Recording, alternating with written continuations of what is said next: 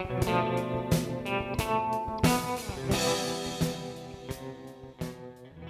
hører på Plottet, en podkast om kultur og formidling av kulturplott.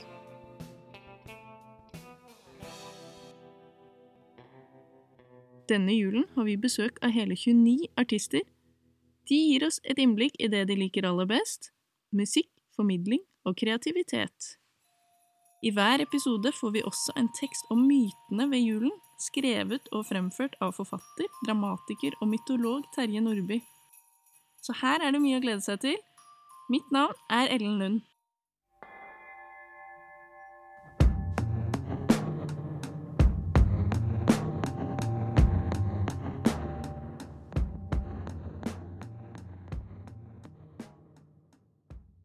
I dag har vi besøk av Stine Andreassen i det kritikerroste bandet The Northern Bell. Da ønsker jeg velkommen. Kan du først fortelle litt om hvem The Northern Bell er? Ja, jeg heter i hvert fall Stine, og jeg spiller da i bandet The Northern Bell. Og vi er et um, Vi starta som et countryband og kjøpte oss boots og hele pakka. Men så har det utvikla seg til at vi har tatt inn litt flere sjangre, og det er liksom godt av og til å ikke bli satt i bås. Så jeg vil jo si at det er mye pop og folkemusikk og forskjellige elementer. Og vi er syv stykk, ganske mange. Et lite orkester. Og da er det Bjørnar Ekse Brandseth som spiller pedelstil og gitar. Det er Ole André Sjøgren eh, som spiller gitar. Og så er det Marie Tveiten, som også har vokst opp med folkemusikk og hardingfele, som både spiller fele og kor og gitar. Litt sånn poteten vår. Johanne Flåttorp. Eh, hun er fantastisk på hardingfele og fele. Det er Trym eh, Gjermundmo på tromme, og så har vi Yngve Jordalen på bass. Da tror jeg jeg har sagt alle. Og det som er interessant, er at eh, vi hadde akkurat sånn der julefrokost digitalt møte. Eh, og da fant vi ut at det er tiårsjubileum til neste år. Så vi, ja, vi har jobba i lag siden 2012. Og alle har vært sammen, eller alle har vært med siden da? Det eneste vi har bytta ut, er trommis.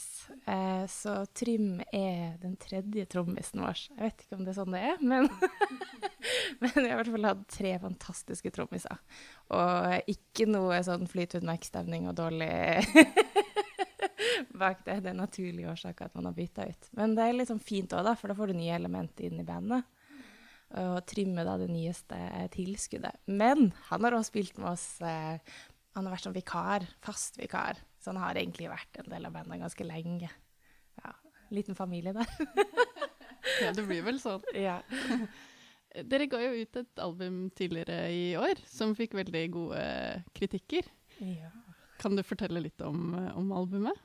Det var vi ga oss et album i 2020, så vi hadde ikke helt bestemt oss for å gå så raskt på den prosessen og innspille et nytt eh, album. Men eh, det som skjedde, var jo at alt stengte ned, og så fikk vi masse tid. Eh, og da fikk vi jo ikke fullført prosessen med 2020-albumet We The Rebloom, for normalt så er liksom syklusen at du spiller inn, du releaser, du har laga en PR-plan, og så drar du ut på turné. Det er liksom gulrota. Det skjedde jo ikke. så da begynte vi å skrive, og det er ofte jeg som skriver tekstene og melodiene. Så det var litt sånn ulike scenarioer. Det kom ikke alt på en gang. Det var ikke en sånn klar idé om hva vi skulle gjøre, men heller å ta imot de impulsene som kom. Og da skrev jeg den låta som heter 'The Women in Me', som ble tittelsporet. Og da føltes det ut som at veien allerede var lagt. Så det var sånn godt når den kom. Da satt jeg på hytta og vi hadde isolert oss og bare satt med hyttegitaren og kosa meg. Og så var det bare sånn at OK, det her var ment. Det var akkurat sånn det skulle være, egentlig. Og så har vi tatt inn ganske mange samarbeidspartnere denne gangen. For vi har ikke kunnet samle bandet i samme rom alltid. Det har vært ulike restriksjoner, og vi er syv stykk. Og hvis du skal ha syv stykk pluss tekniker pluss produsent, kanskje, så er det jo litt mange folk i samme rom. ikke sant. Det har ikke ja. vært så lett, det. Nei, så vi har gjort litt andre ting enn vi normalt har gjort, som har vært veldig gøy. Så jeg tror det har vært litt viktig for oss å snu det til noe positivt. At det ikke trenger å være noe negativt. Da har kanskje Johanne lagt fela på Gvarv, der hun bor. Og jeg har flydd opp til Tromsø fordi jeg er fra Tromsø, men der bor også Ole André. Da har vi gjort noe i studio der. Og så har vi vært innom masse forskjellige studio her i Oslo også. Veldig gøy å bare møte nye folk der det har vært mulighet. Og kjenne på at man liksom får en, ja, en sånn ekstra kreativ boost av å møte nye folk også. Så det har vært gøy. Vi skal jo snart få høre låta 'Only Stupid Kids Get Bored'. Ja. kan du fortelle litt om den låta? Det, for det er jo også et samarbeid? Ja, det er jo den plata vi hadde nå. Vi samarbeider med masse fine folk. Så jeg føler liksom kremen av Americana, Oslo og pluss, pluss. Eh, pluss da en av mine favorittband som er Orionsbelte.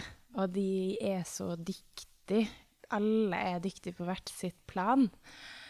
Og da hadde jeg skrevet 'Only Stupid Kids Get Bored'. Og den var egentlig ment å bare være kanskje gitar, pedalstil og vokal. Så jeg har tatt med en demo, så jeg gjerne kunne vise dere litt hvordan det høres ut.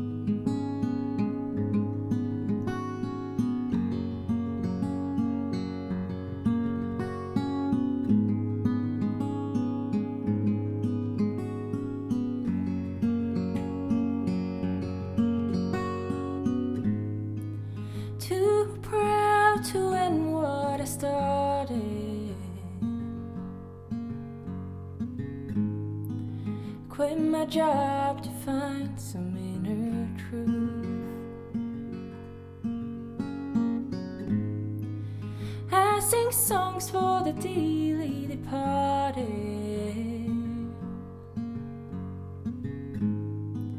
Keep pretending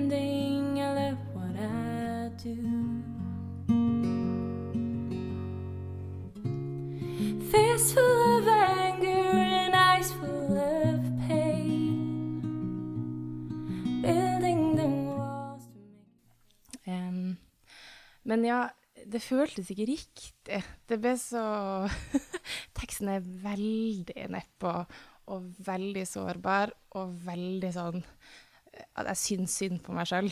Alt er utrolig dritt. og da føltes det òg litt sånn voldsomt å smøre videre på det med samme følelse. Så vi hadde litt lyst til å kanskje løfte den bitte litt mer positivt i soundet.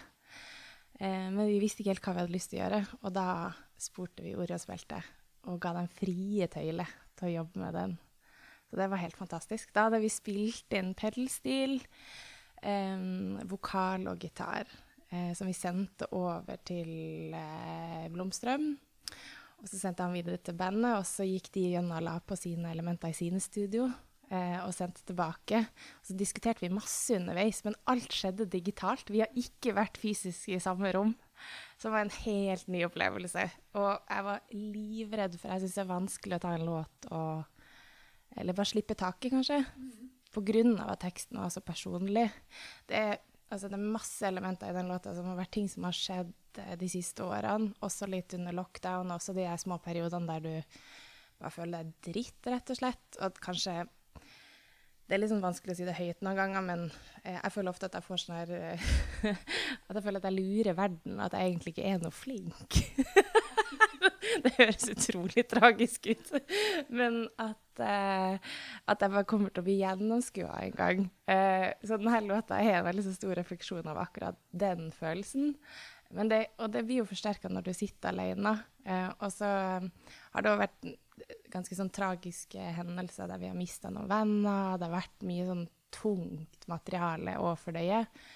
Mens når det først kom ned på papiret, så føltes det veldig godt å få det ut. Og det er ikke sikkert at folk skjønner at det er det jeg synger om, men det er i hvert fall det, det som ligger i bunnen.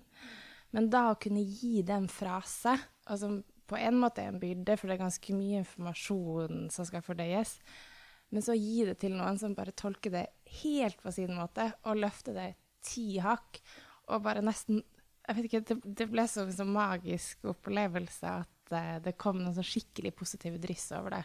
Og nesten en mer sånn munter uh, klang. Ja. Så jeg liker litt de kontrastene. Men det var en veldig absurd opplevelse å liksom gå fra det sånn totalt mørke der jeg sitter alene og skriver denne låta, til at jeg var først i studio med Mikael Paskalev, og vi satt og lekte oss. Um, og da kom ideen òg litt sånn Den her hadde vært gøy å jobbe litt videre med. Og jeg sleit skikkelig med å spille den inn. Jeg så gråt og gråt og bare fikk nesten så litt sånn panikkanfall. Men det tror jeg er for teksten ble så nær. Og så å bare sende den videre og få Orions belte til å gjøre magien sin. Og så gikk jo vi i studio etterpå. La på hardingfele, pedelstil, masse sånne kule elementer. Som igjen passa så fint. Det var liksom som at det var skapt for hverandre. Så jeg er veldig glad. det ble som det ble. Mm. Ja. Hvordan eh, skriver du vanligvis låter? Um, det har vært litt forskjellig, men de siste årene så har jeg vært litt sånn avhengig av iPhone og bare ta opp uansett hvor jeg er. Og så er det man er litt den rare personen som går rundt, og så får man en melodi, og så synger man den inn på åpen gate. Og det er jo mange ganger at det er ganske mye støy rundt, så da når jeg har tenkt sånn Å, fy fader, for en genial idé! Så kommer jeg hjem, og så er jeg bare Å, det var utrolig bra! Men jeg bruker Jeg har vært litt flinkere de siste årene til å ta det mer seriøst, og jeg har skjønt at låtskriving er det jeg liker aller best. Det er liksom ja, primus motor for å lage musikk. Og for min del så går det å skrive tekst hånd i hånd med å lage melodi, så jeg gjør ofte det samtidig. Og det syns jeg er veldig gøy å leke seg med. Så jeg setter av tid, og så prøver jeg å ha et sånt system. Jeg har ei lita liste hjemme der jeg skriver ned alle låtene jeg begynte på. Så hvis jeg har en dag der jeg syns det er litt vanskelig å komme i gang, så kan jeg bare gå over den lista, og så kanskje det er en låt som skiller seg ut som jeg har lyst til å jobbe med i dag. Eh, og noen ganger så kommer låtene på løpende bånd der du, det tar en time, og så har du plutselig skrevet en hel låt. Men andre ganger så kan det ta et halvt år før en låt er ferdig. Så det er, det er ikke noe sånn fast prosess direkte, men det er mer at jeg tar det seriøst, og det, eh, jeg har lyst til å jobbe med det, jeg har lyst til å bli bedre. Så prøv også å samarbeide med andre. Det syns jeg er kjempeskummelt. Men ha lyst å lære. Ja. Jeg tenker at hvis du mister det, så har du kanskje mista litt av grunnen til at du gjør det her. Fordi du har jo lyst til å utvikle deg hele tida.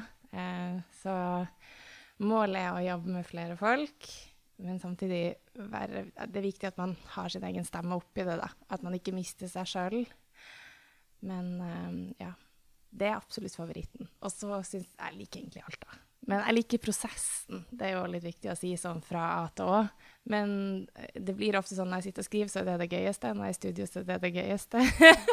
så sånn sett er jeg jo blest at det er sånn det funker. Men um, jeg har jo en liten sånn drøm om å skrive for andre. Så jeg har begynt sånn smått å skrive for andre også. Så får vi se.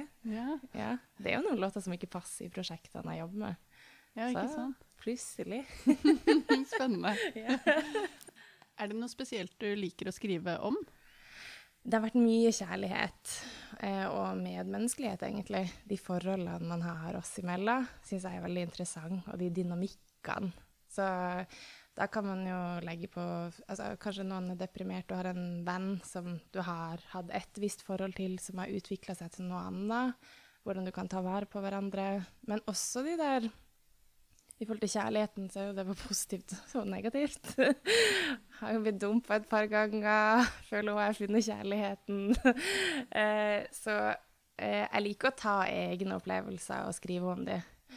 Og det er noen ganger jeg har gått litt lenger enn jeg har tort tidligere. Jeg føler at jeg er vokst som låtskriver, at jeg tør å ta enda litt mer i. Så vi skrev en låt som heter 'Remember It', som er om en eks som er bare skikkelig bedriten fyr. Så jeg sånn, Men han er jo bedriten, så hvorfor kan man ikke bare skrive det? Og så smører du enda litt ekstra på. Og så blir det bare ja, Få tak i de hookene du klarer ut av det. Bruk det til noe godt. Og så nå så driver jeg og jobber med en ny plate til Norton Bell, der jeg har fått tilgang til bestemor sine kjærlighetsbrev fra bestefar. Og det er noe helt nytt igjen. Så der eh, er det jo mye deres forhold i, Han var ute på sjøen, han var sjømann, jobba i marin. Han kunne være borte i ett og et halvt år om gangen. De skrev masse brev til hverandre. Så jeg har fått alle brevene som er fra bestefar til bestemor, og alle er nummerert. Så det er over eh, 400 brev. Og det, er Så fantastisk. ja, det er helt nydelig. Og sånn fascinerende, for han døde da jeg var seks, så jeg har jo ikke kjent han personlig, men jeg har alltid hørt om han. Og jeg husker han sånn smått bits and pieces. Eh, eh, men det var jo den store kjærligheten til bestemor. Og det er så interessant å lese også litt om den tida. Det er så mye historie. Og det syns jeg passer til countryen og teksten. Eh, og litt det å bære følelsene ut på kroppen. Så uh, nå er prosjektet da å ta utgangspunkt i de følelsene og det som skjer i de brevene, og så skrive et album ut ifra det. Så, så spennende. Ja, det er skikkelig spennende. Jeg bare håper at bestemor blir fornøyd. ja. Krysser fingrene. det gjør hun sikkert. Ja, jeg satser på det. Har dere ellers eh, noen planer fremover? Ja. Altså, Nå vet vi ikke helt hvordan det blir nå i januar, men forhåpentligvis skal vi spille konserter. Eh, så det blir konserter i januar og februar. Og så skal jeg bli mamma, så da blir det en liten pause der med mammapermisjon. Og så kommer jo sommeren, og det håper jeg også blir en del konserter. Og så siden vi har tiårsjubileum, så skal vi spille på Parkteatret til høsten og feire det. Så det gleder jeg meg skikkelig til. Og så I tillegg så snakker vi allerede om å dra i studio. Um, og jeg er en litt sånn utålmodig person, så jeg har på en måte allerede ideene klar og har egentlig også lyst til å spille inn julelåt til neste år. Jeg elsker jul. Etter at vi har hørt uh, mer på Only Stupid Kids Get Bored, så skal forfatter Terje Nordby lese en tekst om uh, første nyttårsdag. Hva er ditt uh, forhold til denne dagen? Um, det føles jo ofte som at du får en mulighet til å starte på nytt. Um, og før så hadde jeg masse, masse nyttårsløfter, og jeg kunne gjerne være å trene mer og uh, være snillere med meg sjøl. Dem glemmer man ganske fort. Men det har blitt en dag som har uh, vært dedikert til venner. Så jul feirer jeg ofte med familie, og nyttår så bruker vi å samles en god gjeng. Og da er det liksom fint å skåle inn det nye året og bare ha de du er glad i, nært deg, egentlig.